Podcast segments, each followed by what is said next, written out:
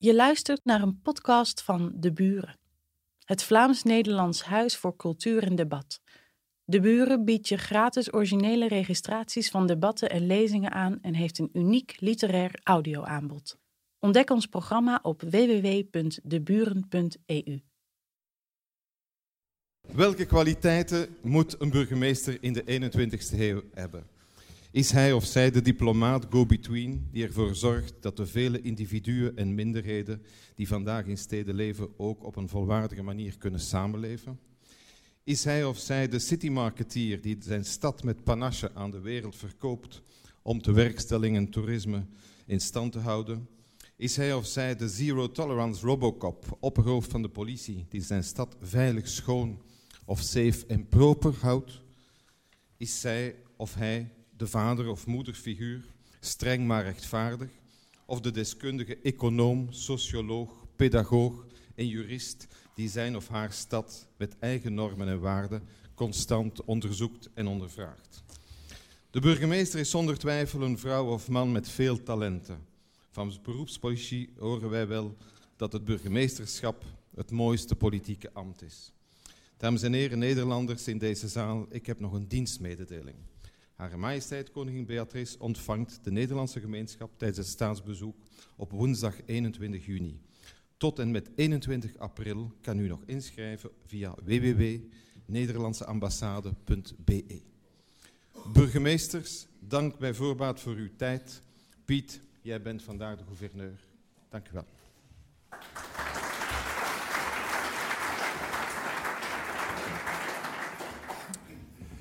Dank u wel, Dorian van der Bremt. En het begon al meteen met een, een primeur, dat staatsbezoek. Uh, zijn er Nederlandse journalisten in de zaal? Piepte Job Cohen daarnet. Want dan moet hij een beetje oppassen. Ik heb hem gewaarschuwd dat dat het geval is. Meneer Cohen, let op uw tellen. Ik had ze uh, al herkend. Zo. De vragen die ertoe doen zijn eigenlijk al opgeworpen door Dorian van der Bremt. Even kijken, dat geluid, werkt dat een beetje achter in de zaal? Of plopt het heel erg? Het plopt. Ik kijk even naar de technicus. Gaat het zo beter? En misschien moeten jullie ook uh, even iets in de microfoon zeggen, voor alle zekerheid, meneer Janssens. Dit is een test. Dit, dit is, is, een test. test. Dit is een test. dit is ook een test. Ja, ik kan niet achterblijven. Dit is ook een test. Zijn wij tevreden? Techniek? Ja. Meneer Janssens, laat ik bij u beginnen. Uh, dat heeft u te danken aan uw verleden als reclameman. Uh, alle steden hebben tegenwoordig een uh, city marketingplan en daar kom ik het lelijke woord merk tegen. Een stad is een merk. Bent u het daarmee eens? Ja, ik ben het daarmee eens, maar uh, het hangt er maar vanaf wat je daaronder verstaat. Als je onder een merk verstaat een naam, die iets betekent, zowel in materiële als in emotionele betekenis van het woord, dan geldt dat zeker voor een stad. Uh, een stad is een, is een fysieke plek die je kan herkennen, die je naam gegeven hebt, maar die naam roept ook heel wat anders op dan enkel en alleen die fysieke plek. Er hangen een aantal waarden rond, een beeld rond, een imago rond, een verhouding met, uh, met mensen uit verschillende doelgroepen. En je kan dat proberen uh, vorm te geven, bij te sturen, zowel de fysieke kant als de emotionele kant, als de minder tastbare kant. Dus dat is ongeveer de definitie van een merk. Dus ja, een stad is een merk, net zoals Piet Pirijns een merk is. Mm -hmm. Zo had ik het nog nooit bekeken. um, laten we dan, nou niet een spelletje spelen, maar toch even peilen naar de merkgedachte. Heet dat zo, zeg ik het goed? Bestaat er zoiets als een merkgedachte? Uh, wat men van elkaar steden weet. Ik begin bij meneer Cohen en ik zal u niet vragen wat het beeld van Maastricht is. Dat zou te makkelijk zijn, want u heeft langer in Maastricht gewoond dan de burgemeester van Maastricht zelf. Um, wat is het beeld dat u hebt van Antwerpen, meneer Cohen? Als u nu een aantal waarden over Antwerpen zou moeten vooropstellen. Uh, haven, uh, Joodse stad, multiculturele stad, stad met, zeker in, de, in, achter, in, in, de, in deze jaren, stad met, waarin in polarisatie flink is opgetreden. Mm -hmm. Herkent u dat beeld, meneer Janssens? Ja, het is zeer partieel, denk ik, maar uh, ik denk dat er weinig dingen gezegd zijn die niet kloppen. Mhm. Maar dat dat polariseren bijvoorbeeld zo meteen naar boven komt, we zullen het daar later ongetwijfeld nog over oh, hebben. Lijkt, me evident dat iemand uh, die burgemeester is van Amsterdam en naar Antwerpen kijkt en, en de weerslag heeft gezien via waarschijnlijk vooral de, de Nederlandse pers over Antwerpen de voorbije 10, 15 jaar. Ik vind het heel logisch dat hij dat beeld heeft. Uh, maar het is ook een zeer partieel beeld. Uh, ik weet ook wanneer ik Nederlandse journalisten in Antwerpen zie. En dat is wanneer er relletjes geweest zijn op de Turnhoutse baan, of wanneer er een Marokkaanse islamleraar is neergestoken, of wanneer er een slechte verkiezingsuitslag was. En dan, dan wordt Antwerpen breed uitgesmeerd in de Nederlandse pers. Dus, uh, maar voor alle duidelijkheid, ik vind ook het, het, beeld van Antwerpen als een stad die de voorbije decennia sterker gepolariseerd is, een correct beeld. Maar het is een partieel beeld, het is niet het enige natuurlijk. Mm -hmm. We gaan het rijtje langs. Uh, meneer Leers, wat is uw beeld van Amsterdam? Drie kernwoorden zou ik zeggen. Uh, eigen gereid, tolerant, cultureel. Ik denk dat ik daarmee uh, samengevat heb uh, de belangrijkste kenmerken van de Amsterdammers. Een eigen gereide, uh, ik bepaal zelf wat ik wil. Tolerant, er moet veel mogelijk zijn. En daarnaast Amsterdam met zijn culturele uitstraling, zijn enorme culturele diversiteit. Ik denk dat dat de karakteristieken zijn die ik Amsterdam toeschrijf. Klopt dat beeld? Ja, vind ik een mooi beeld. Ja. Mm -hmm. Waarbij je dan, uh, als het over tolerant gaat, dat, is de, dat herken ik ook zeer. Tegelijkertijd kan je daarvan ook de afgelopen, uh, in, in, afgelopen paar jaar, uh, kan je daar op zijn minst, kan je daar nog weer eens, kan je daar een discussie over voeren. waarbij het zonder enige twijfel voor een deel waar is en ook zo blijft. En tegelijkertijd zitten daar ook wel onderstromen in waarvan wij zelf ook wel hebben gezegd van nou dat beeld van tolerantie is ook wel een beeld van onderlinge onverschilligheid. Ja. Mm -hmm. Ten slotte, meneer Janssens, wat is uw beeld van Maastricht? Het woord Bourgondisch is verboden. Carnaval.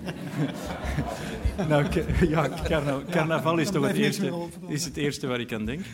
Uh, toch ook wel de transnationale universiteit, waar uh, professoren die er gedoseerd hebben het ver brengen, Job. uh, ja, en toch niet echt een geen Hollandse stad, toch eerder een, uh, uh, ja, een van de noordelijke Latijnse steden zoals we in Vlaanderen zoveel hebben. Um, goede stadsbouwmeester ook geleverd aan Antwerpen. Dus ja, wat, wat stedenbouw betreft toch een, een voorbeeld ook, denk ik. Ja, het spreekt me aan, uiteraard. Positieve kwalificaties die uh, denk ik ook wel voor een deel uh, de stad typeren. Wat mij zeer aanspreekt is het feit dat het geen Nederlandse stad is. Dat willen we ook niet zijn. Ja, dat willen we ook niet zijn. We willen ons onderscheiden van uh, de omgeving. En het onderscheidende, dat doet Maastricht ook inderdaad door zijn eigen architectuur. Uh, de, ook de cultuur. Hè, na uh, Amsterdam toch de tweede monumentenstad van, van Nederland. Dus wat dat betreft, goede beschrijving. Maar u pleit niet meteen voor een Anschluss bij Vlaanderen, want anders hebben we weer niets. Nou, ik weet zeker dat als je dat de Maastrichtenaren zou vragen, dat de meerderheid daarvoor zou zijn. Meent u dat? Ja. Ja, ja, dat wordt nog altijd toch een beetje als een historische uh, vergissing beschouwd. Het feit dat in de tijd Maastricht. Uh, ja. ja. We, we, willen toch liever eerst de vogelmarkt terug. Ja. wat, wat wil je liever? De vogelmarkt terug. ja, ja, ja, ja. Ja, nou gaat u natuurlijk vragen waarom uh, de Arabieren de kamelen hebben en Nederland Maastricht. Ja, dat wou ik net vragen. Lag voor op mijn tong. Ja, de Arabieren hadden de eerste keus, dus het, uh, het was niet anders. En wou je ook nog iets zeggen over ja, al die Nederlanders die tegen de kathedraal pissen, meneer Jansen? Nee, Dan hebben we dat nee, in één keer gehad. Nee, dat, nee, dat niet. Maar uh, ik, wat ik ben vergeten over Maastricht is die ellendige normen. Daar doet het mij ook aan denken. De Maastricht-norm die ons uh, de broeksriemjaren heeft doen aanhalen. Maar ik neem aan dat de burgemeester van Maastricht daar niet verantwoordelijk voor is. Mm -hmm. Laten we het even hebben over die city marketing toch. Uh, het city marketing plan dat de gemeente Maastricht besteld had bij het bureau Berenschot, heb ik gelezen. En dat heeft als titel de Europese belofte. Uh, Maastricht wil niet langer een Europese stad in Nederland, maar een Europese stad in Europa zijn. Eén gek kan meer vragen dan drie wijze burgemeesters kunnen beantwoorden, maar kunt u een definitie geven van een Europese stad? Wat is een Europese stad? Ja, u vraagt nu meer dan ik kan beantwoorden, dat klopt. Nee, uh, wij willen ons in ieder geval onderscheiden, um, zoals ik het net ook al zei. Dat willen we op drie terreinen doen: kwaliteit, allure en Europees. Een Europese stad die ook uh, zeg maar echt volop in, niet alleen als een stad in Europa functioneert, maar echt een stad die samen met andere steden in die regionale uh, omgeving samenwerkt. En dat is ook denk ik wel logisch als je redeneert of ziet dat uh, Zuid-Limburg, waar Maastricht in is gelegen, zo'n 220 kilometer buitengrens heeft uh, met België en Duitsland en maar 8 kilometer met Nederland. Dan ben je vanzelfsprekend aangewezen op je buren. En die buren zitten per definitie niet alleen in Nederland. Sterker nog, die zitten hoofdzakelijk in België, respectievelijk Duitsland. Mm -hmm. Ik probeer het ook even bij meneer Cohen. Een Europese stad, wat moeten we ons daarbij voorstellen? Nou, Waarin verschilt ze van een Amerikaanse stad, om maar iets te noemen. Oh, op een, op een flink aantal punten. En, en, en, dat geldt, vind ik inderdaad, zeker voor een stad als Maastricht. Uh, het is een oude stad, uh, met, met, met een, het soort binnensteden waar iedere Amerikaanse stad jaloers op is. En inderdaad, zo ontzettend dicht bij, bij, met buitengrenzen met België en Duitsland. En dan ook nog zowel Franstalig als Nederlandstalig. dat maakt zo'n stad wel bijzonder. En dat geeft tegelijkertijd dus ook wel allerlei mogelijkheden om juist, juist maar waar Nederland toch al een bijzonder land is, omdat het aan de ene kant klein is en zo'n zo'n mooie trait is uh, in Europees verband ten opzichte van landen die daar buiten zitten, dan is, daar speelt Maastricht, kan daar een, eh, een hele eigenstandige rol in spelen. En dan ook nog zo mooi gelegen. Uh, dus nee, ik kan me daar wel iets bij voorstellen. Ik vind het wel goed gekozen. Trouwens, degene die dat bedacht heeft, die wordt nu wethouder in Amsterdam. Zo. U ziet wat, uh, wat u voor carrière kunt krijgen als u in Maastricht actief bent. Ik zal erover nadenken. ik zal het mijn familie vertellen. Ja. ja. Meneer Jansen, zijn steden elkaars concurrenten? Nou, ik vraag dat omdat, uh, ja, toerisme is natuurlijk iets wat iedere stad wil bijvoorbeeld. En ik merk in die city marketingplannen ook dat men elkaar ook als concurrenten ziet. Ja, maar ik vind, ik vind het een, een, groot misverstand om te denken dat city marketing vooral gaat over het verkopen van je stad aan de buitenwereld. Dus uh, uh, ik vind dat uh, city marketing begint met eh, de profilering en de uitbouw van je stad ook naar je eigen bevolking toe.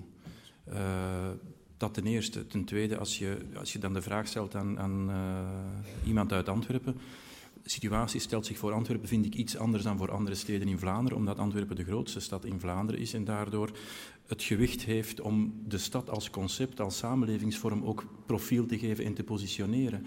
En het is gewoon een fysieke vaststelling. We zijn marktleider onder de steden in Vlaanderen, omdat we de grootste stad zijn. Dus dat betekent dat we andere steden niet als concurrenten hoeven te zien, uh, maar eerder als bondgenoten, omdat... Uh, zeker in, in België in het algemeen, Vlaanderen in het bijzonder en zeker ook de voorbije decennia, de steden niet echt gezien zijn als de, de meest aantrekkelijke vorm van leven, van wonen. Uh, dus als, als we één uitdaging hebben met, met het hele beleid in de stad en dus ook met de city marketing, is om die trend te keren. Dus ik, ik vind eigenlijk het platteland veel meer onze concurrent en de, en de rand veel meer onze concurrent dan andere steden. En als je het dan brengt echt op, het, op, het, op de niche van toerisme bijvoorbeeld, ook daar vind ik, als je ziet wat de, wat de trend is naar, uh, naar citytrips bijvoorbeeld, daar kunnen we elkaar enorm in helpen. Want ik zie niet zoveel mensen tien keer op een jaar voor een citytrip naar Antwerpen komen. Maar als, als uh, citytrips als vorm van toerisme stijgen, dan kunnen we daar met z'n allen als steden wel, wel beter van worden. Dus in die zin zie ik, er speelt natuurlijk hier en daar wat concurrentie wanneer het gaat over de vestigingsplaats van een bedrijf of, of, of iets van dat genre of een, of een grote investering. Maar uh, ik vind ons eigenlijk veel meer uh, collega's en bondgenoten dan concurrenten, of zo zou het toch moeten zijn. Heeft u heimwee naar een stadstaat? Weer naar de toekomst. Uh, ja, uiteraard. Het spreekt voor zich. Als je, als je kijkt naar de, de specifieke situatie van Antwerpen, en ik denk dat dat zeker ook voor Amsterdam geldt, of, of Rotterdam, Maastricht ken ik veel minder goed, dus kan ik niet beoordelen. Maar het zou natuurlijk een droom zijn om van Antwerpen een stadstaat te maken. Dus zou, we zouden heel veel dingen veel makkelijker kunnen aanpakken dan vandaag. Gaat u daarin mee, meneer Cohen? Uh, met, met dat laatste. Met de gedachte van een stadstaat? Ik, ik, geloof dat de Republiek Amsterdam nooit heeft opgehouden te bestaan. Maar als, het, als, het, als ik nog iets mag zeggen over, over steden die uh, concurrenten van elkaar zijn. Uh, ik, ik, ben het ermee eens dat, dat ook als, het over, als, het, als je het over city marketing hebt, dat het allereerste wat je moet doen, en als je al iets zou willen marketen, dan moet je datgene marketen wat die stad ook echt is. En daar gaat het dus in allereerste instantie om. Daar ben ik het helemaal nog met Patrick ben ik het, daar, daarmee eens. En dat werkt ook alleen maar als, als die stad zelf ook het gevoel heeft van ja, dit is wat die stad is. Maar vervolgens uh, vind ik wel degelijk, en dat is ook wat mij betreft wel een nieuwe trend, dat uh, steden concurrenten van elkaar zijn. en, maar dan gaat het internationaal. En dan gaat het ook echt over de vraag van wat zijn nou de steden die ook de kans hebben om zich ook in de toekomst op een zodanige manier te ontplooien, waardoor ze zich kunnen onderscheiden van andere steden. Uh, en dan betekent dat ook weer niet, denk ik, dat Maastricht een concurrent is van Amsterdam. Uh, maar steden als, uh, als Barcelona of Berlijn, en als je dan nog een beetje brutaal bent, ook steden als Parijs en, en Londen, dat zijn wel steden waarvan je denkt van nou, dat is een, dat is een, een divisie waar je, je van wil, waar je in meedoet en waar je je wil onderscheiden. En dat onderscheiden kan alleen maar als je dus investeert op de kwaliteiten die je hebt en die je uitbouwt. En tegelijkertijd ook grootschalige evenementen organiseert, merk ik vaak. Dat hoort daar, dat hoort daar, voor, een, dat hoort daar voor een deel ook bij. Toerisme is, is wat mij betreft een onderdeel daarvan, maar hoeft niet eens het belangrijkste te zijn. Om precies die reden ook die, die net genoemd is. Uh, toeristen die komen één keer of twee keer of drie keer, maar niet zo heel veel vaker. Maar als het gaat over, uh, over internationale bedrijven, als het gaat uh, in het geval van Amsterdam om een luchthaven als Schiphol die zo ongelooflijk belangrijk is, die niet alleen belangrijk is voor Amsterdam maar voor heel Nederland. Ja, dan heb je daar als stad het nodige aan te doen om ervoor te zorgen dat dat ook zo blijft. En als het even kan, nog verder uitgebouwd wordt. Bij alle verschillen die tussen die drie steden bestaan, is er natuurlijk uh, is een aantal constanten te vinden. Eén daarvan is het wantrouwen van de burgers tegen hun stedelijke overheid. Meneer Lees, u heeft uh, onlangs in uw Torbecke-lezing het daarover gehad. Waar komt dat wantrouwen en die angst van burgers vandaan? Ik geloof niet dat het overigens zozeer van wantrouwen van burgers tegen de stedelijke overheid is. Het is meer tegen de politiek in het algemeen. Nou ja, maar we zitten hier met burgemeesters rond de tafel. Ja, maar ik denk dat burgemeesters en uh, de gemeentepolitiek nog relatief het meest dicht bij de burger staat. Daarom hebt u ook in uw inleiding, dacht ik, terecht gezegd dat uh, burgemeesters, en dan beschouw ik daarmee ook het hele uh, stadsbestuur, gemeente, misschien nog wel de belangrijkste politici worden zijn van deze eeuw. Puur alleen omdat ze die verbinding weten te leggen tussen burgers en het bestuur. In veel sterkere mate dan dat is tussen de nationale parlementen. En daar zit voor mij het probleem. Burgers hebben geen vat meer op de mechanismen die uh, bepalend zijn en waar zij uh, zeg maar wel de gevolgen van ondervinden. Zij zien niet meer hoe het systeem werkt en hebben ook geen gevoel meer dat dat systeem op de een of andere manier te beïnvloeden is, respectievelijk naar hen luistert. Die afstand is verloren gegaan. En ik denk dat dat de kern is van, uh, van de analyse. Er is geen betrokkenheid, geen verbinding meer uh, tussen het leiderschap nationaal en het leiderschap wat nodig is op lokaal niveau. Uh, en die verbinding moet gelegd worden. Dat is dringend noodzakelijk. Laat de, dan hebben we het over de Nederlandse situatie, maar we komen dan straks ook wel weer bij meneer Janssens. Laat inderdaad Den Haag de steden in de steek? Ja, ik denk in het algemeen dat steden. Um, te weinig aandacht krijgen als entiteit. En dan heb ik het niet alleen over um, de grote steden, alle Amsterdam, Rotterdam. Uh, ik denk dat daar wel veel aandacht voor is. Ik durf te beweren dat met name de kleinere provinciale steden onvoldoende uh, zeg maar aandacht krijgen. Juist omdat die kleinere steden in Nederland het moeten hebben van samenwerkingen. Uh, u, vroeg net, stelde terecht de vraag aan bij de burgemeesters van de wat grotere steden. Uh, van hoe kijkt u aan tegen de stadstaat? En ik zou me kunnen voorstellen dat zij in staat zijn om een compleet verzorgingsgebied, een compleet beeld te bieden aan de burgers. Dat zijn wij niet vanuit, Maastricht. Wij moeten het hebben door de onderlinge samenwerking met de EU-regio. Met de EU-regio. Mm -hmm. ja, om complete stad te zijn is het ook waanzin, zeker gelet op het schaalniveau wat je tegenwoordig nodig hebt om voorzieningen op een uh, zeg maar efficiënte manier te kunnen aanbieden, moeten we het hebben van die samenwerking. Niet iedere stad in Limburg, waar zelfs dorpen zijn van nog geen 8000 uh, bewoners, inwoners, is in staat een IKEA of een groot warenhuis te realiseren. En niet iedere stad kan een grote schouwburg realiseren. Dat moet je samen doen om dat raakvlak te creëren. En juist in die samenwerking missen wij uh, de ondersteuning, de betrokkenheid van de Rijksoverheid. En daar vind ik echt een uh, tekortkoming in. En hoe geldt dat voor een grote stad als Amsterdam? Nou, ik ben het, ik, dat, dat vind ik eigenlijk, eigenlijk ook, maar het is wat mij betreft ook vooral dit kabinet wat wij nu in Nederland hebben, wat niet erg veel oog heeft voor grote steden. Het is veel meer gericht op, uh, op, op, op, op uh, het, het, land. En dat merken wij op alle mogelijke manieren. een van de voorbeelden daarvan betreft het onderwijs, waar, waar veel geld vanuit de grote steden is gegaan naar de rest van het land. Uh, en ja, uh, natuurlijk, ik begrijp best dat de rest van het land dat ook nodig heeft. Maar als je ziet wat voor problemen er in die grote steden zijn en wat voor bovenmaatse problemen er in die grote steden zijn, bijvoorbeeld op het gebied van het onderwijs, dan zijn dat inderdaad keuzes die ik niet zou maken op die manier. -hmm. Maar of je dat kan generaliseren en zeggen dat het in het algemeen zo is, ik vind het wel echt een kenmerk van het kabinet wat wij op het ogenblik in Nederland hebben. En dat kabinet heeft een andere politieke kleur dan u heeft. Laat ik het dan aan meneer Janssens vragen. Wij hebben een kabinet met waar partijgenoten van meneer Janssens in zitten. Uh, maar ze hebben stedenbeleid niet tot hun bevoegdheid. Hè? Maar... Nee, nee, maar ze hebben daar toch wel iets in de melk te brokkelen. In dit, tenminste, vertellen sommige mensen mij in dat kabinet. Uh, voelt Antwerpen zich door Brussel stiefmoederlijke bejegend? Op dit moment niet. Ik denk niet dat dat zo is. Ik denk dat er uh, vanuit Brussel, zowel vanuit de Vlaamse als de federale regering, heel veel middelen naar Antwerpen gekomen zijn, omdat men uh, eigenlijk om twee redenen. Eén, omdat men erkent dat uh, Antwerpen de economische motor is, vandaar al de investeringen in infrastructuur, in de haven, in mobiliteit.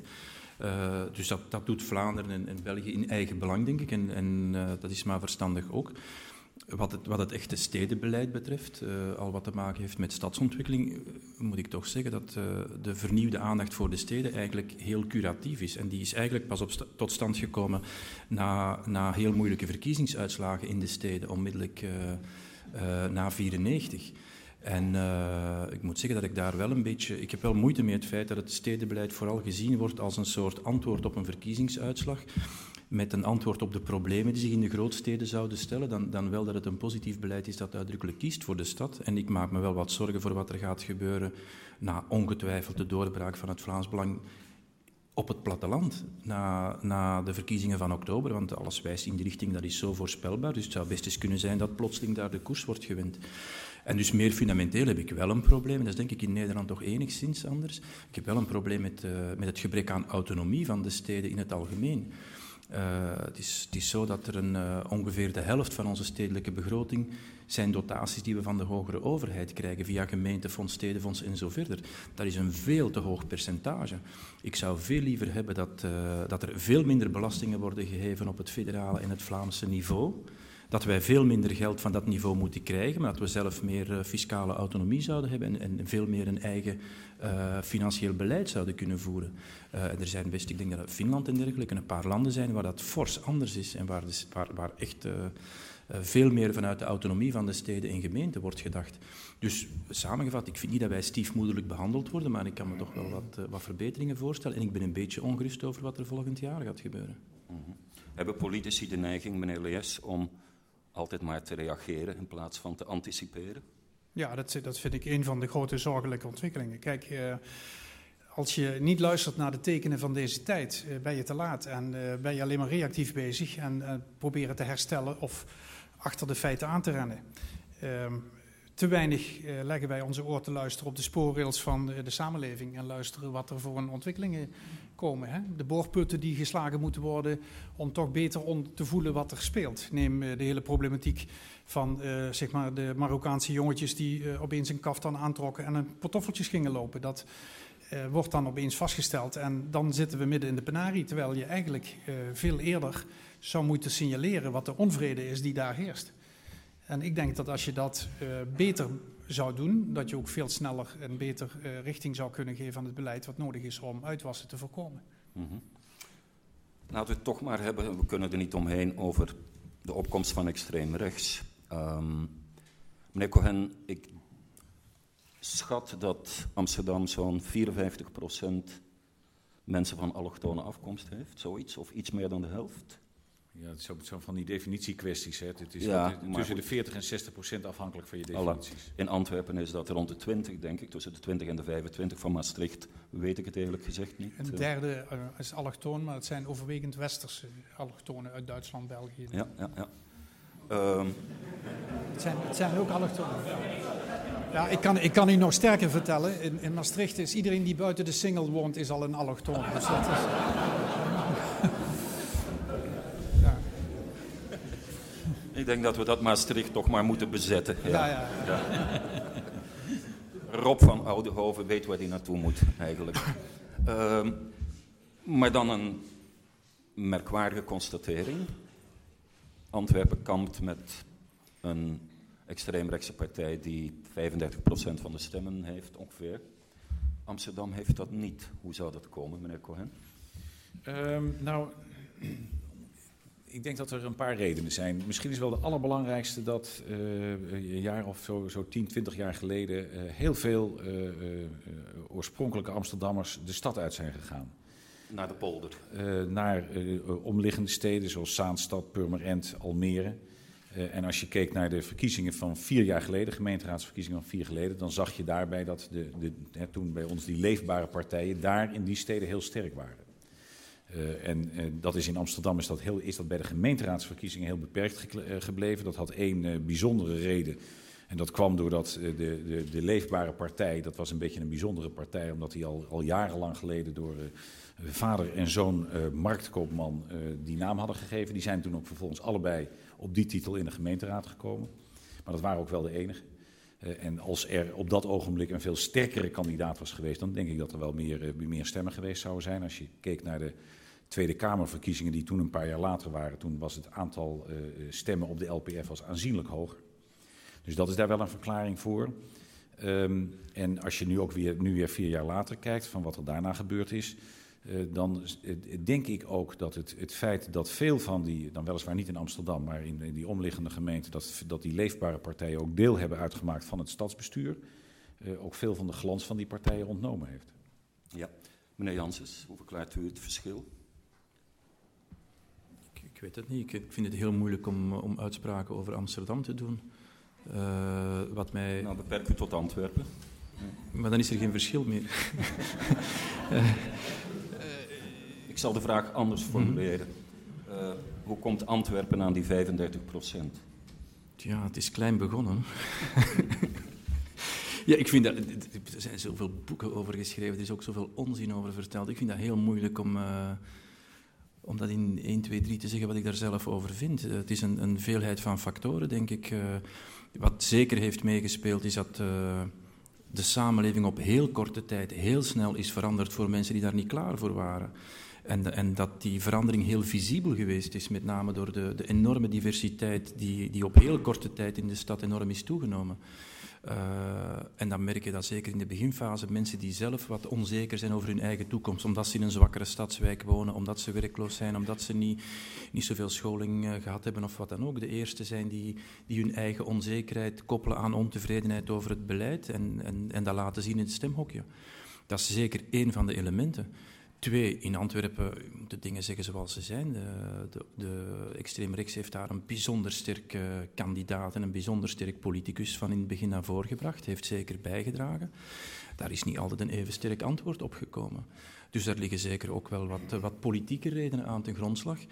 En er is eh, ongetwijfeld, heeft in Antwerpen ook wel het feit meegespeeld dat. eh, het is nu zeer delicaat voor mij om dat te zeggen, maar eh, dat. Eh, dezelfde partijen zeer lang aan het bewind geweest zijn en je daardoor toch, wat je in Nederland denk ik meer in Rotterdam dan in Amsterdam hebt gehad, ook heel sterk een, een partijapparaat, stadsbestuur dat heel gepolitiseerd was Eh, en zo verder. Ja, dat, dat heb je heel erg in Antwerpen, laat me toe te zeggen, gehad. Ehm, en eh, dat speelt allemaal mee. Het is, een, het is een veelheid van factoren, denk ik. Maar je merkt toch ook dat, dat het is aan het laatste misschien, dat er zijn nog wel trends geweest in de, in de Belgische en de Vlaamse politiek die eerst in Antwerpen de kop hebben opgestoken. En eh, ja, je, je merkt toch dat vandaag in Vlaanderen het leedvermaak waarmee naar Antwerpen wordt gekeken eh, over die groei van extreem rechts, dat dat leedvermaak toch heel wat verminderd is nu men merkt dat men daar zelf niet immuun voor is. Segregatie is zeker in Amsterdam en in Antwerpen een probleem. In Maastricht neem ik aan ook al een beetje. Eh, wat kan een stedelijke overheid doen, meneer Leers, laat ik bij u beginnen, om die segregatie tegen te gaan? Als ik het kijk vanuit Maastricht eh, en misschien Zuid-Limburg, dan denk ik dat het goed is in gedachten te houden dat eh, het zuiden van Nederland door zijn mijnbouw in het verleden veel buitenlanders altijd heeft aangetrokken en dat die daar als eigenlijk als het ware vanzelfsprekend geaccepteerd zijn. En is dus het probleem van allochtone bevolking en zeg maar de segregatie nooit uh, sterk geweest. Omdat deze mensen gewoon nodig waren in de mijnen. En dus ook onderdeel waren van de samenleving. Turken, Polen, nou ja, u kent ze allemaal, alle nationaliteiten hoef ik niet op te noemen. Dus ik denk dat bij ons dat niet zo speelt. Ik denk zelf, als ik kijk naar de grote steden in, Nederland, dat wij um, op een hele domme manier segregatie in de hand aan het werken zijn door, um, maar eens heel huiselijk te zeggen, van iedere Marokkaan te eisen dat hij op klompen gaat lopen. Um, oftewel, dat we per se hem in een keurslijf willen dwingen, uh, wat de Hollandse maatvoering is. En veel te weinig ruimte bieden voor de eigen ontplooiing en de eigen identiteit. Als we in de gelegenheid zouden zijn, respectievelijk de moed zouden hebben om mensen juist in hun waarde te laten en de kracht die ze in die waarden ontwikkelen beter te benutten, ben ik ervan overtuigd dat de segregatie uh, zeg maar, veel beter uh, te overkomen zou zijn, te voorkomen zou zijn. En dat we het potentieel van buitenlanders uh, dan ook veel ehm, meer ja, zouden kunnen benutten als een sterke, drijvende kracht in onze samenleving in plaats van als een belemmerende kracht. Laat ik een citaat van Job Cohen tegenaan gooien uit zijn Multatuli-lezing. Ik leg het even voor aan Patrick Janssens. Het is uiteindelijk het gedrag van de meerderheid dat bepaalt hoe de integratie van minderheden in de samenleving kan gaan en niet andersom. Bent u het daarmee eens? Uh, ja, nou, dit is niet helemaal. Uh, niet, nee, maar ik denk dat het. Ik, ik, ben geneigd er nogal wiskundig op te antwoorden. Als, als de meerderheid drie vierde is en de minderheid één vierde, dan denk ik dat drie vierde van de verantwoordelijkheid bij de meerderheid ligt en één vierde bij de minderheid. Ik denk dat als er, als er dingen fout gaan in relaties, zowel collectief als, als individueel, dat de, dat de verantwoordelijkheid altijd zeer gedeeld is. Maar waar ik, waar ik wel in kan volgen is dat natuurlijk de, de dominante cultuur die op een bepaald ogenblik aanwezig is, dat die bepaalt hoe, hoe wordt omgegaan met afwijkend gedrag bijvoorbeeld, wat er wel en niet wordt getolereerd en, en hoe open uh, men staat tegenover diversiteit. Uh, Volgens meneer Janssens is het een wiskundige kwestie. Meneer Cohen, wilt u het hem nog eens uitleggen? nou wat niet onbelangrijk in het citaat is, is het woordje uiteindelijk. En, dat, en, en, en waar het daarover gaat, dat is dat uh, als niet uh, het, dus die dominante cultuur, als die geen bereidheid heeft om zo'n minderheid om die, om die op te nemen, en een beetje ook zoals Gert Leers het net zei, dan zal het niet lukken. Wat niet wegneemt dat van, die, van die minderheden ook wel degelijk de vraag kan stellen van wil je erbij horen en meedoen? Maar wat de stelling vooral, zegt, ook als iemand die behoort tot die minderheid niets liever wil dan erbij horen en meedoen, zich zelfs als het ware die klompen wil aantrekken en op die manier doen, het zal niet lukken als hij niet geaccepteerd wordt door die meerderheid. En uh, bedoel, dat, goed, als je, hem, als je hem zo zegt, dan zie ik Patrick ook zeggen, ja, als je het zo zegt, dan... Uiteraard, ja. Eén grote familie. Ja. Mm -hmm. um, even kijken. Zero-tolerance. De roep klinkt alom. Moeten we daar iets van verwachten? Ik denk op uh, zero-tolerance is niet een, um, een instrument wat je ruksigloos overal kunt inzetten. Uh, ik denk dat je daar uh, goed gedoseerd mee moet omgaan. Dat het wel degelijk kan helpen op momenten die ertoe doen. Maar je zult altijd vervolgens, uh, nadat je grenzen hebt gesteld, ook ruimte moeten laten. Het is grenzen stellen, ruimte laten, richting geven mensen duidelijk maken van die kant gaat het op. Dit zijn de grenzen, ga je er overheen, pak ik je, daar binnenin krijg je ruimte. Als je dat niet doet en je gaat daar binnenin, je knuppelt letterlijk alles dood en plat, verstik je de samenleving. Um, soms is het nodig om hard op te treden in de vorm van zero tolerance. Dat zul je een tijd moeten volhouden. U heeft het op een aantal punten gedaan. Hè? Ja. Maar, maar, vervolgens wel ook ruimte gelaten en perspectief geboden. Door te zeggen, dit is de grens, gaat u er overheen, dan bent u voor mij uh, Bent u het haasje, dan zult u daarvoor boeten. Maar je moet wel ruimte overlaten voor mensen om een eigen patroon te ontwikkelen om daarin te kunnen groeien. Mm -hmm. Patrick Janssens. Ja, het is een begrip dat ondertussen zoveel ladingen dekt dat ik. Uh, maar als je, als je eronder verstaat, je moet consequent telkens optreden met de gepaste maat, dan ben ik daar wel voorstander van. Dat is, maar dat is niet wat er doorgaans wordt onder verstaan. Uh, ik denk dat je als je zegt. Uh, Laten we nu een, een, een, een klein voorbeeld nemen uit onze politiecode. Je mag niet spuwen op straat. Ja, dan verwacht ik wel dat elke politieagent, elke keer als hij iemand op straat ziet spuwen, een of andere vorm van actie onderneemt. Daarmee bedoel ik niet dat, dat hij telkens een administratieve boete moet uitschrijven, maar ik verwacht wel dat hij telkens op zijn minst daar een opmerking over maakt. Tenzij er plotseling iets dringender te doen is, zoals een verkeersongeval of een handtasdiefstal of wat dan ook. Maar dus, het, ja, het is vergelijkbaar met opvoeding, denk ik. Je, ja, je moet niet zeggen, er is een norm en dan treed ik niet op. Maar als je onder zero-tolerantie verstaat dat iedereen vanaf zijn eerste overtreding de gevangenis in moet en na, na three strikes and you're out en zo, nee, nee, ik geloof niet dat dat helpt. Ik denk dat de gevangenissen een beetje snel te klein zullen zijn en dat je te veel menselijk kapitaal voor eeuwig, uh, dat, je, dat je menselijk kapitaal te snel uh, afschrijft.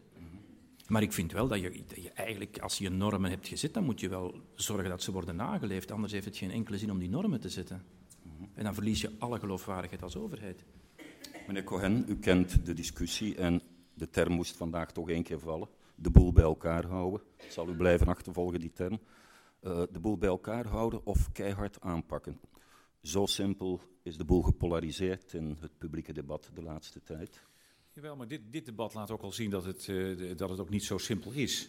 Uh, u, u, zegt het zal mij blijven achtervolgen, de boel bij elkaar houden. Ik heb daar geen enkel probleem mee. Ik vind het nog steeds een van de allerbeste manieren om wat mij betreft uh, weer te geven wat nou een, wat een belangrijke taak is voor, uh, voor een burgemeester, in ieder geval van een grote stad. U zei in navolging van Den Uil, hè? Ja. Begreep ik, ja. ja dat klopt. Die, die, uh, toen, toen aan hem gevraagd werd wat hij nou in zijn kabinet, wat hij nou eigenlijk vond wat hij had gedaan, dan zei hij zo'n beetje met die sigaren en die as allemaal zo'n beetje uh, de boel proberen bij elkaar te houden. En dat, ik, ik, ik vond dat juist ook van hem, en omdat hij toch ook, ook hij voor mij een, toch een, een voorbeeld is, vond ik dat ook wel een mooie manier om toen ik in Amsterdam benoemd was, om dat daar op die manier eh, te, zeggen. Uh, maar tegelijkertijd uh, impliceert, wat mij betreft, de boel bij elkaar houden wel degelijk ook precies datgene wat de beide anderen net ook zeiden. De boel bij elkaar houden zonder dat je daarbij grenzen stelt, is niks. Want dan valt de boel ook uit elkaar. Dus het, en dat, die hele term zero tolerance, die is, die is niet voor niks opgekomen in een tijd dat, dat ja, maatschappelijk breed en niet alleen maar linkse partijen of, of, of wie dan ook, maar echt maatschappelijk breed. Dat gevoel van, van, van, van normen stellen uh, en je daar vervolgens ook aan houden. Ja, dat dat uh, heel ver was weggezakt. En de, de, de, opkomst van die term liet zien van ja, dat moet je niet meer doen. En dat je dan vervolgens wel in nuances terechtkomt, zoals, zoals Patrick Janssens net zei. Ja, dat vind ik, dat, dat kan niet anders. Want anders dan, ja, dan, dan maak je een samenleving ook helemaal dood. Dus wat mij betreft, boel bij elkaar houden, dat is binden aan de ene kant en tegelijkertijd ook die grenzen stellen. Dat zijn de grenzen van de rechtsstaat. Ga je daar overheen, dan zal je moeten optreden. -hmm. Maar is het probleem nu niet voor iedere burgemeester van een grote stad, en daar kunnen we Maastricht toch ook toerekenen, dat zo'n stad dreigt een, ja, een soort archipel te worden, een soort etnisch eilandenrijk met wijken, concentratiewijken. Is dat niet het probleem? Als je de boel bij elkaar wil houden, meneer Janssens bijvoorbeeld. Ja, je, je, hebt, uh, niet elke stad hoeft zo gesegregeerd te zijn als Antwerpen is bijvoorbeeld. En ik vind het voor Antwerpen ook geen goede zaak dat de stad zo gesegregeerd is. Uh, maar ik vind in ieder geval ik vond dat je een heel gekke sprong maakte om van zero-tolerantie naar die, de boel bij elkaar uh, houden te stappen. Want ik ben het met je absoluut eens. Dat is, dat is de beste definitie van de job van een burgemeester. De, de slagzin van, van onze stad is: uh, de stad is van iedereen dat is ook de beste definitie die je voor een stad kan bedenken. Dus uh, ik zie niet wat, hoe de twee dingen tegenover elkaar kunnen staan. En, en dat de discussie zo gepolariseerd is, dat weet u toch? Nee, dat, nee, dat vind ik niet. Nee, absoluut niet. De, als je nu zou zeggen, de boel bij elkaar houden, of de stad is van iedereen aan de ene kant en eigen volk eerst aan de andere kant, dan zie ik de polarisatie. Maar ik zie niet de polarisatie tussen het stad is van iedereen of de boel bij elkaar houden en, en optreden als er, als er mensen zijn die zich gedragen alsof de stad niet van iedereen is. Alsof, dat je niet, of alsof, niet iedereen een verantwoordelijkheid heeft om tot die samenleving bij te dragen. Dus dat vind ik absoluut geen, uh, geen polarisatie. Maar, wat ik, maar ik ik denk dat de grote, daarom is het vandaag denk ik in steden ook zo moeilijk om, om dat te doen. Ik ben het wel met je eens, de grote uitdaging vandaag is wel die enorme diversiteit in de steden. De steden hebben dat altijd gehad, laat dat duidelijk zijn. Maar de, de, de toegenomen mobiliteit en de globalisering maken natuurlijk dat diversiteit vandaag iets anders betekent dan 50 jaar geleden. 50 jaar geleden betekende in Antwerpen diversiteit het feit dat mensen uit West-Vlaanderen en uit Limburg naar Antwerpen kwamen. En eventueel iets vanuit Nederland. Vandaag betekent het dat ze uit heel de wereld naar Antwerpen komen. Ja, dat is nogal een andere uitdaging. Maar, maar in essentie blijft die uitdaging dezelfde. Hoe dat je zorgt dat heel veel mensen van een heel verschillende afkomst op een kleine plek kunnen samenleven. En, en met heel verschillende achtergronden toch een aantal gezamenlijke afspraken kunnen maken om dat mogelijk te maken. Maar concentratiewijken zijn geen goede zaak, vindt Absoluut niet, nee, natuurlijk niet. Dat is, uh, ik ben daar in ieder geval geen voorstander van. En ik vind dat wij de voorbije jaren een te weinig gericht beleid hebben gevoerd om dat tegen te gaan. Dat we te veel op het, op het beloop hebben gelaten. En ik denk trouwens dat dat niet enkel in Antwerpen, maar dat dat in, op grote schaal in, in heel West-Europa in steden wordt, uh, wordt vastgesteld. En dat mensen, dat mensen soms in Parijs had. Ja, en aan de ene kant krijg je dat. En aan de andere kant krijg je ook uh, nogal, nogal forse ingrepen nu in het beleid. Zoals in, in Rotterdam bijvoorbeeld, waar men, waar men toch nogal fors probeert dat te keren. Met een aantal instrumenten die op zware discussies stoten. misschien mag ik daarbij aansluiten. Want ik denk inderdaad, uh, zero tolerance is een uiting van het ongenoegen bij burgers over een te afzijdige overheid. Uh, hij zei terecht, te lang heeft de overheid de zaak op zijn beloop gelaten, niet richting gegeven. Ik zeg wel eens, de overheid heeft zich beperkt tot het afzetten van de zijstraten, maar de stoet bepaalde zelf waar die naartoe ging. De overheid had voor iedere beslissing 26 adviseurs nodig om te legitimeren wat men uiteindelijk moest kiezen. Ik zeg het bewust wat sterk. Uh, en dat ongenoegen bij de burger heeft zich vertaald in een stevige uh, aanpak zero tolerance. We laten nu eens even zien wie hier de baas is. Als tegenreactie tegen uit de, uit de hand gelopen uh, zeg maar, maatschappelijke ontwikkeling. En ik denk dat het onzinnig is om dat instrument nu als het tovermiddel voor heel Nederland uh, uit de hoed te toveren. Uh, in Amsterdam, de, of de Rotterdam, de Rotterdam-code zal misschien hier en daar werken, maar uiteindelijk zal die niet werken. Er zal dus een goede balans moeten gevonden worden tussen binden en uiteraard grenzen stellen. Mm -hmm. En die balans is in sommige steden nog niet gevonden. Daar is onrust onder die bevolking die zich tekort gedaan vindt en die uh, vindt dat de overheid te weinig richting heeft gegeven, nog veel te groot. Maar in steden als Amsterdam en in ieder geval ook in Maastricht is dat gelukkig nu ver weg en is dat aan het keren. Ja, ik wil naar meneer Cohen, waar inderdaad bij het beleid van de gemeente Amsterdam is het tegengaan van die uh, wijken een van de speerpunten geweest de afgelopen jaren. Zie de Bijlmer. Ja, de, de, de Bijlmer is daar het, het, het, het, het fraaiste voorbeeld van. Dat Je zult even moeten uitleggen wat ja, voor wijk dat is, dat is voor dat de niet-Nederlanders in de zaal. Ja, dat is, dat is in Zuidoost-Amsterdam. Dat uh, de, de Bijlmer een, een, een, een, in de jaren 60 uh, als, een, als een modelwijk neergezet. Grote flatgebouwen. Uh, bedoeld voor arbeiders die, die, die daar dan, dan terecht zouden kunnen komen. Uh, en dat was allemaal net zo'n beetje af toen uh, de uh, invasie vanuit Suriname kwam. Toen zijn veel Surinamers daar terechtgekomen. En dat is toen in razend tempo bleek dat die wijk daar absoluut ongeschikt voor was. Hoe, hoe, mooi die verder ook in het groen lag. Maar hij gaf heel snel aanleiding tot veel onveiligheid. En hij werd in een heel snel tempo werd hij veel slechter. En dat is de afgelopen tien jaar is daar met buitengewoon veel geld, dat moet ik er wel bij zeggen, is dat, uh, is dat, is dat gekeerd. Er zijn veel van die flatgebouwen die zijn tegen de grond gegaan. Er zijn andere huizen neergezet en je ziet hoe dat, hoe dat uh, uh, inderdaad nu een, een, een, hele interessante wijk aan het worden is. De, de, meest, denk ik, multiculturele wijk van, je zou haast zeggen, van, van heel Europa. Er wonen buitengewoon veel nationaliteiten dwars door elkaar heen. Dat gaat over het algemeen uh, heel goed. En wat vooral ook van belang is, is om te constateren dat het ook uh, nu een, een, een, gebied is waar, waar niet alleen maar mensen uit één sociaal-economisch milieu bij elkaar zitten. En dat, dat is ook datgene waardoor het gekeerd is en waardoor je nou ook ziet, er zitten nou ook middengroepen.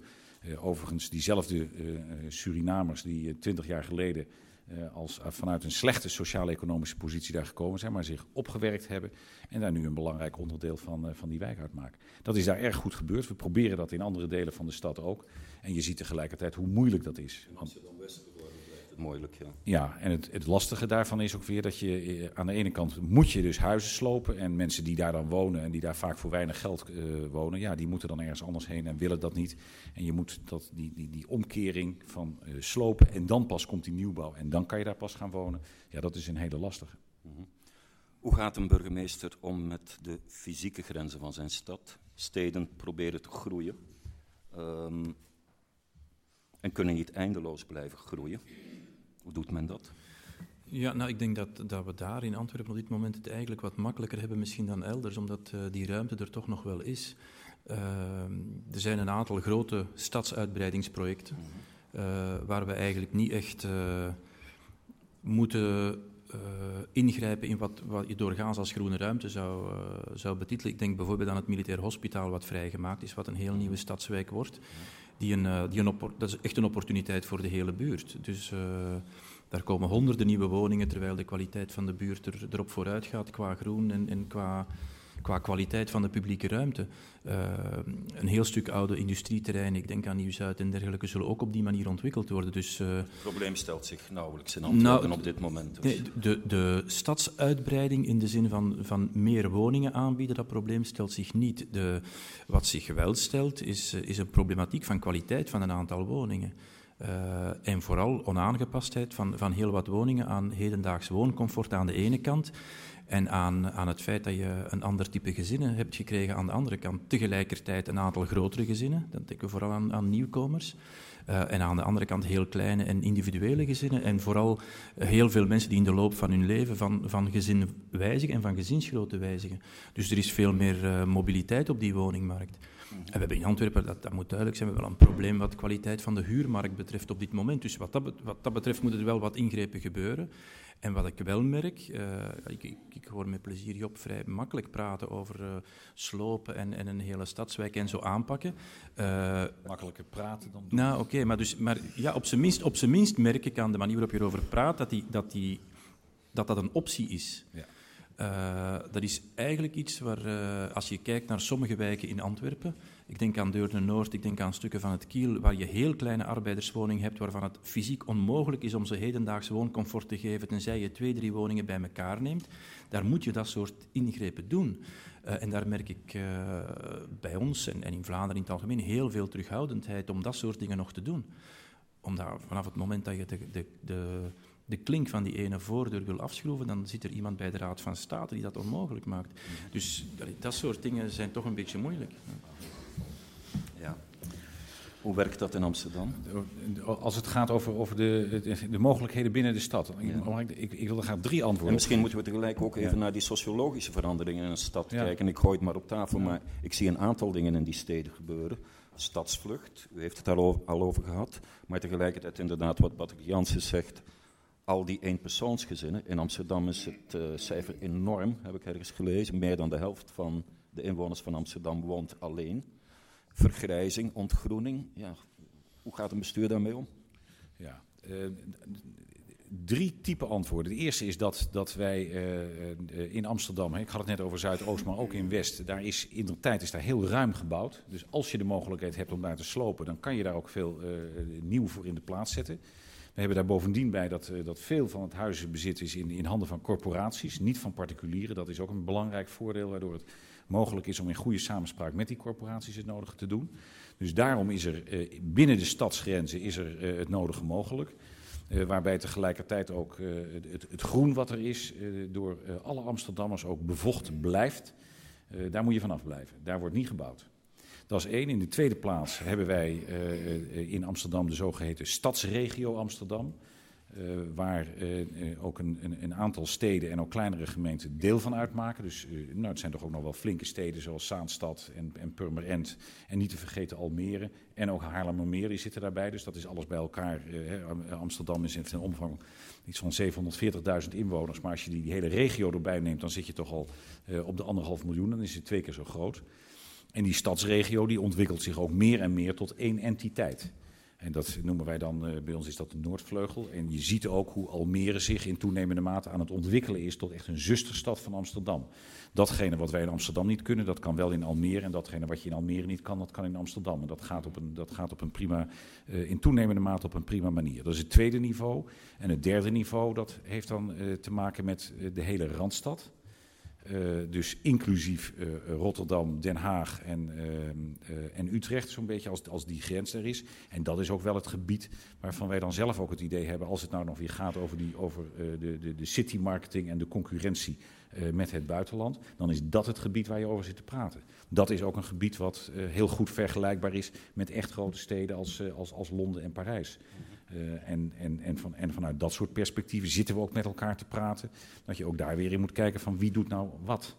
Maar wat betekenen al die eenpersoonsgezinnen voor de sociale cohesie in een stad? Um, nou ja, wat dat betreft is uh, uh, dat is in, het, in het licht van de veranderingen die er natuurlijk wel altijd zijn, moet je constateren dat dat soort veranderingen er in een stad als Amsterdam altijd geweest zijn.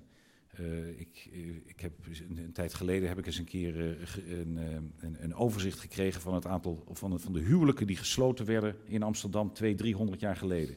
En toen bleek dat meer dan de helft van die huwelijken gesloten werd tussen buitenlanders.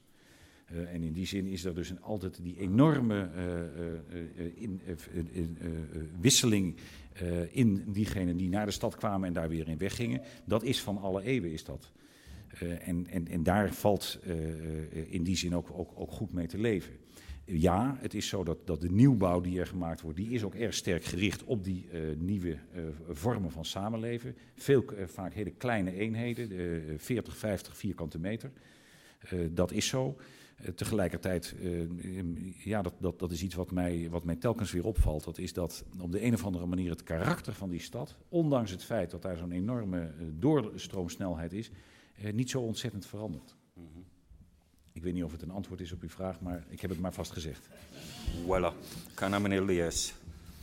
Nou, het probleem wat u uh, noemt, wat u schetst, is het grootste probleem waar de provincie Limburg en zeker Zuid-Limburg zich voor gesteld ziet. De ruimtelijke economische ontwikkeling, uh, de vergrijzing, de noodzaak tot samenwerking. Uh, ik weet niet of u het gebied een beetje kent. onderaan Zuid-Limburg, Nederland, omringd door het buitenland, althans België en Duitsland. Um, waar, uh, als ik de niveaus van Job mag aanhouden, uh, op regionaal niveau de eerste samenwerking ligt. Uh, samenwerking met Aken, Hasselt, Maastricht, Luik en Heerlen. Dan de regionale samenwerking, waarbij Maastricht en zijn buren noodgedwongen die samenwerking aan moeten vanwege het uh, leeglopen van het uh, platteland, het uh, zeg maar teruglopen van de inwoneraantallen in, ook in de steden. En daarnaast de samenwerking met bijvoorbeeld de drie grote steden die er in Zuid-Limburg liggen, Maastricht, Heerlen en Sittard-Geleen. Een noodzakelijke samenleving, omdat we ieder op zichzelf niet de noodzakelijke voorzieningen op de lange termijn kunnen garanderen naar de bevolking toe. Omdat het schaalniveau daarvoor onvoldoende is. Um, ook voor de kleine kernen. En wat, zit, wat maakt het daar nou lastig in? Um, u moet zich kunnen voorstellen dat um, in zo'n gebied waar een paar grote steden zijn en veel plattelandskernen, die plattelandskernen aantrekkelijk wonen, propageren. Als het even kan, komt men de voorzieningen halen in de grote stad. Wenst daar niet voor te betalen, wenst er ook niks voor over te hebben, maar eist vervolgens wel in de nabijheid zeg maar ook extra voorzieningen in de vorm van winkelcentra. Uh, en als het nog even kan, ook nog kantoren en wonen. Met als gevolg het platteland wat langzaam maar zeker verschimmelt. Wat een grote vlekkenwerking gaat krijgen voor wat betreft de stedelijkheid. Mm -hmm. En dat is de grootste dreiging van Zuid-Limburg. Uh, namelijk dat dat heuvelland langzaam maar zeker ook volloopt. Deels door bebouwing, deels door logistiek, door infrastructuur en dergelijke. En daar denk ik dat voor ons de grootste uitdaging voor de komende jaren zit de bereidheid om ook daadwerkelijk die samenwerking aan te gaan. Te accepteren dat de dorpeling ook meebetaalt voor de voorzieningen van de stad. Die niet alleen overlaat aan de bewoners van die stad, die dat dan ook zeg maar, moeten opbrengen.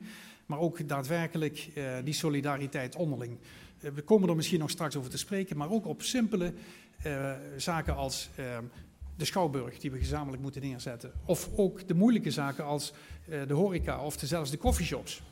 Dat leidt tot gigantische problemen en gigantische discussie, waar men liefst de ellende zo ver mogelijk van zich afschuift richting de grote stad. En zelf de straat en de stoep mooi schoon veegt. En daar komen ook de Belgische drugstoeristen in beeld, wat u betreft.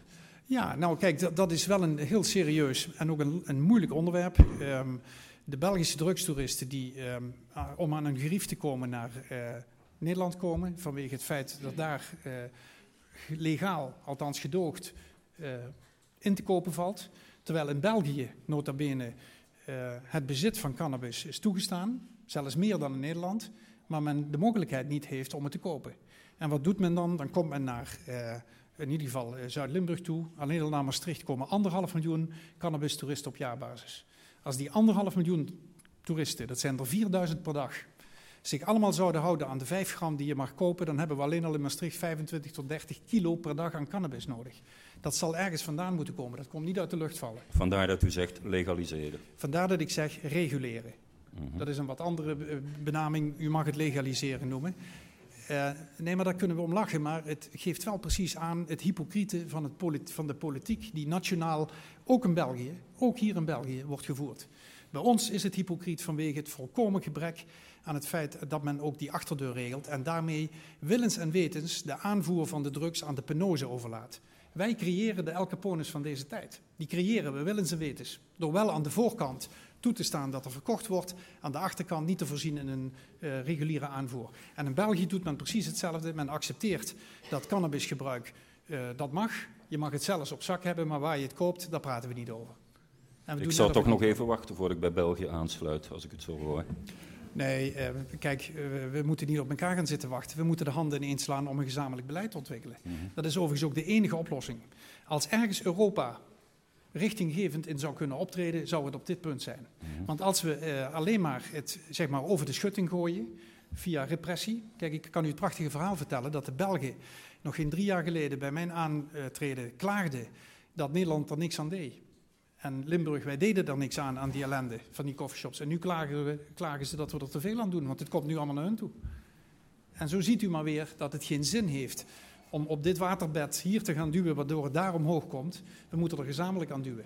En dat was ook de aanzet voor mij om te zeggen: of we stoppen er allemaal mee, of we maken, we, we, maken het mogelijk, maar dan ook gezamenlijk verantwoordelijkheid. -hmm. Meneer Janssens, u moet dat herkennen in die zin dat uh, het ja, het transporteren van problemen naar de grootstad, dat gebeurt in Antwerpen natuurlijk ook. Uh, asielzoekers dumpen in Antwerpen, huisjes huren in Antwerpen. Ja. Dat soort problemen moet u kennen. Ja, ik ken die. ja. Ja. Uh, ja, uiteraard. Ja. Maar dus, uh, wat wil je dat ik daarop zeg? U zou kunnen klagen, maar dat doet u niet. Hè? Nee, dat is mijn, is mijn gewoonte niet. Uh, maar als, als we nu een stadstaat waren, dan waren we voor al die dingen bevoegd en kon ik daar allemaal uitspraken over doen. Maar nu is dat mijn bevoegdheid allemaal niet. Hè? Ik zal er niet bij vertellen dat u Singapore een prachtige stadstaat vond. Maar... Ik heb er een paar dingen gezien die uh, ons in Antwerpen zouden helpen, ja. Uh, ook wat, wat, diversiteitsbeleid betreft. Dus, vooral, ik, ik, wil misschien nog een paar dingen over zeggen, want we hebben van Singapore allemaal het idee dat het zo'n ultraliberaal en, en rechts regime is. En dat is tot op zekere hoogte natuurlijk ook zo wat een aantal dingen betreft. Maar het is toch interessant om eens de geschiedenis te bekijken en te zien wat men daarna de enorme rassenrellen die men in het begin van de jaren 60 gehad heeft bij de onafhankelijkheid, hoe men daarmee is omgegaan. Toen men daar zeer beleidsmatig beslist heeft dat men dat niet meer wilde. En het sindsdien ook niet meer gehad heeft, omdat men doorgedreven de segregatie is tegengegaan. In ruil is er wel wat vrijheid opgeofferd. Hè? Uh, zoals de vrij... Ja, ja, maar, ja, maar wacht eens even. Ik bedoel, ik, ik, ik merk onmiddellijk de reacties in het publiek. Maar heel, heel wat van de dingen die men nu in Rotterdam wil doorvoeren, gaan veel verder dan wat in Singapore preventief gebeurd is. Hè?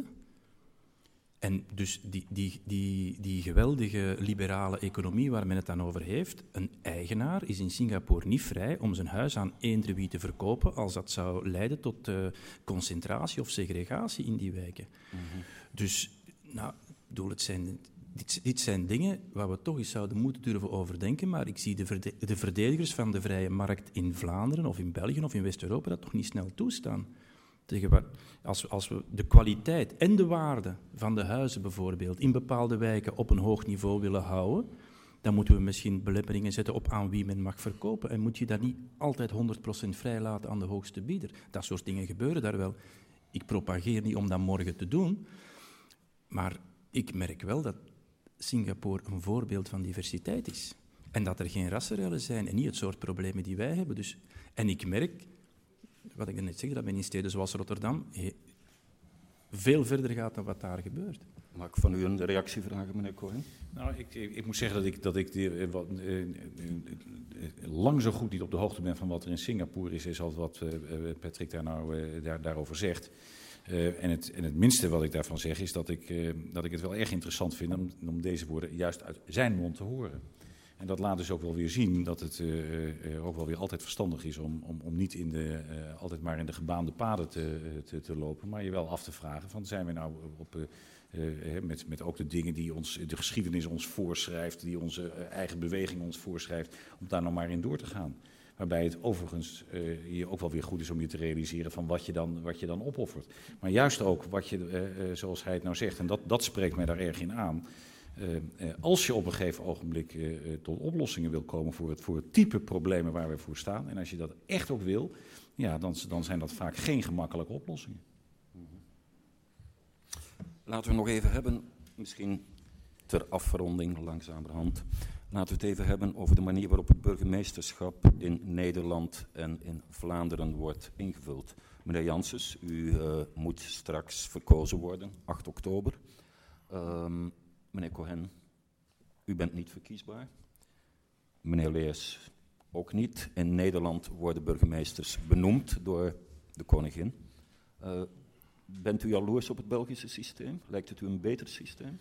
Ehm, ik, ik heb lang, voor, voordat ik burgemeester was, heb ik lang eh, zitten aarzelen tussen de vraag van wat is nou beter, de benoemde burgemeester of een gekozen burgemeester, waarbij je nog weer bij die gekozen burgemeester onderscheid kan maken tussen een, eh, zoals het, eh, meen ik, hier gaat, dat de, de, de, de leider van de, van de grootste partij in de coalitie, dat dat de burgemeester wordt, dan wel een rechtstreekse verkiezing van die burgemeester. Ehm, ik moet zeggen, de, de voordelen van een, van een benoemde burgemeester zijn dat het iemand is die boven de partijen staat, die daar een zekere objectiviteit in, in heeft, eh, eh, burgervader, eh, dat soort ideeën die, daar, die daarin zitten. Sinds ik burgemeester ben, ben ik eigenlijk in een heel snel, snel tempo ben ik, voor een gekozen burgemeester geworden. Waarom?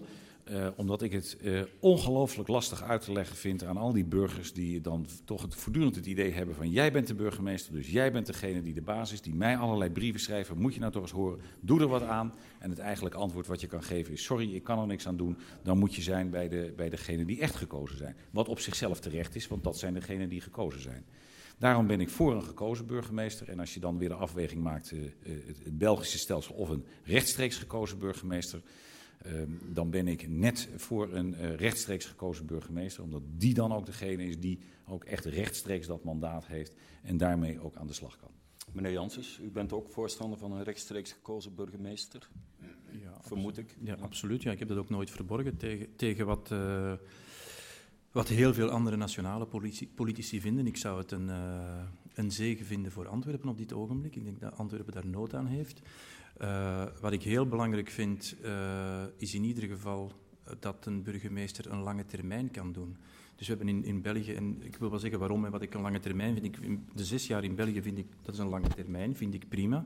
Uh, ik vind dat belangrijk omdat je, als je nu even kijkt naar het soort problemen en het soort uitdagingen waar we vandaag over gesproken hebben, daar kan je onmogelijk op korte termijn ook maar het minste evolutie in gerealiseerd krijgen.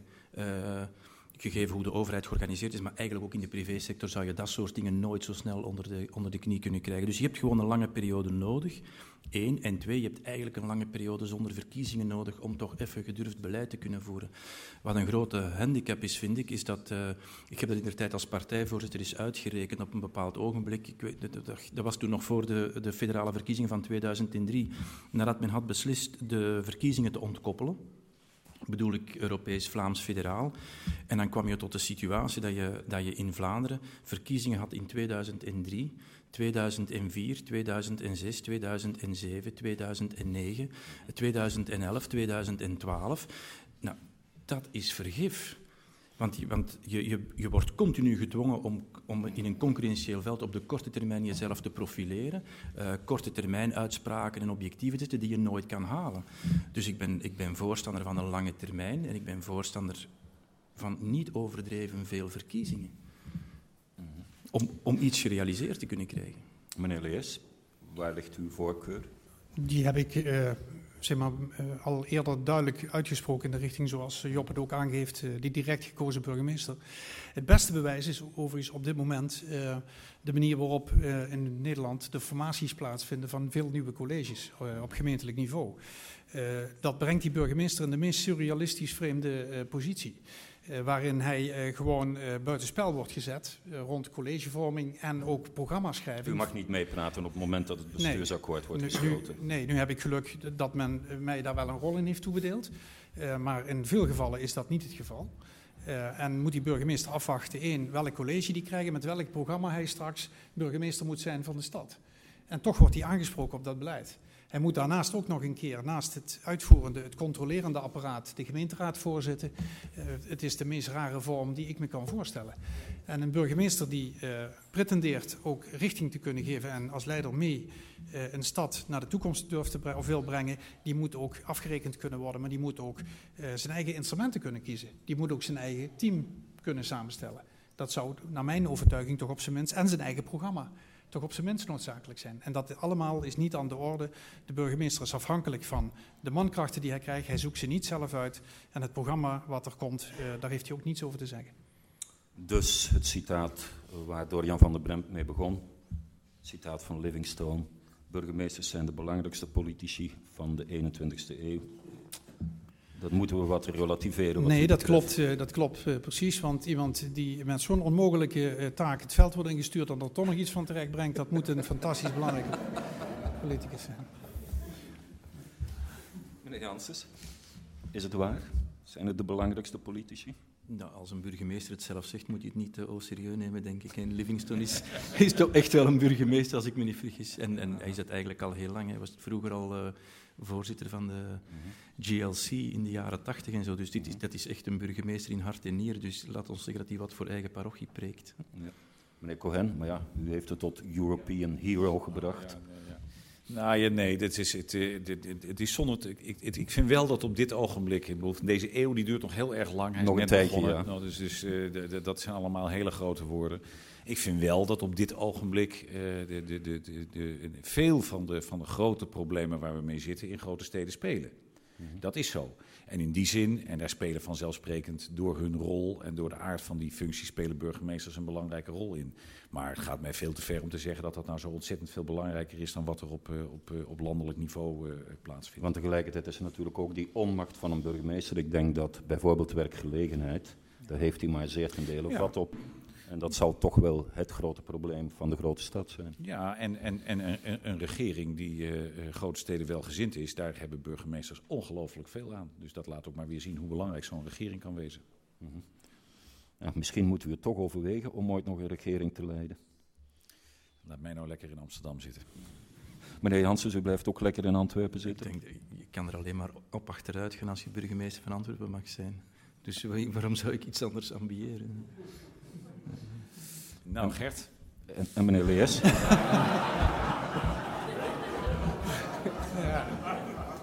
Ik ga eens iets anders zeggen. Als het land u roept.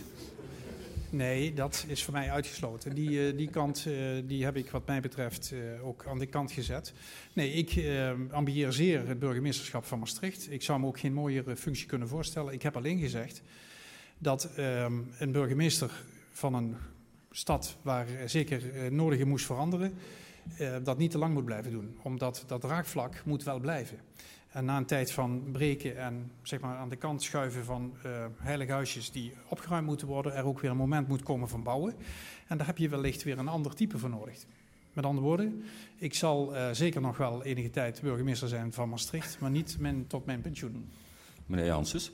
Ja, nou, ik weet, ik vind als je zoveel aan de kant geschoven hebt, dat je het recht moet hebben om wat in de plaats op te bouwen.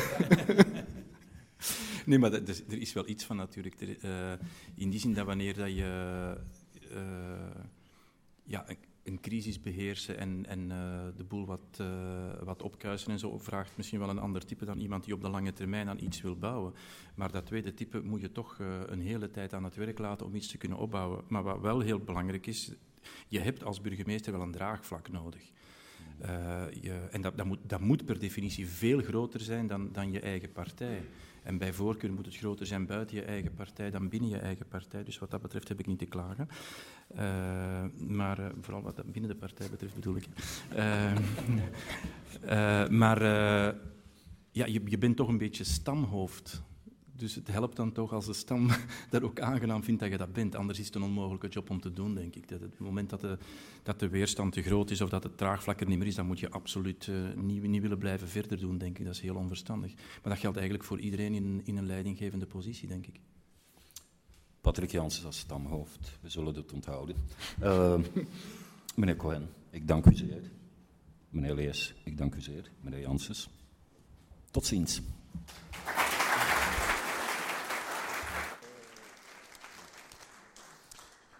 Dames en heren, wij danken de burgemeesters en uh, de wijze Piet Pirijns voor de wijze waarop hij dit deed. En wij nodigen u graag uit om een glas te heffen beneden en nog al die vragen die u al zo lang aan de burgemeester had willen stellen, die nog even te stellen. Maar ze reizen nog ver, dus het zal uh, snel moeten gaan. Dank u wel. Je luisterde naar een podcast van De Buren het Vlaams-Nederlands Huis voor Cultuur en Debat. Benieuwd naar ons literaire aanbod? Luister dan ook naar radioboeken, citybooks en andere audioverhalen. Ontdek ons podiumprogramma en al onze digitale producties op www.deburen.eu.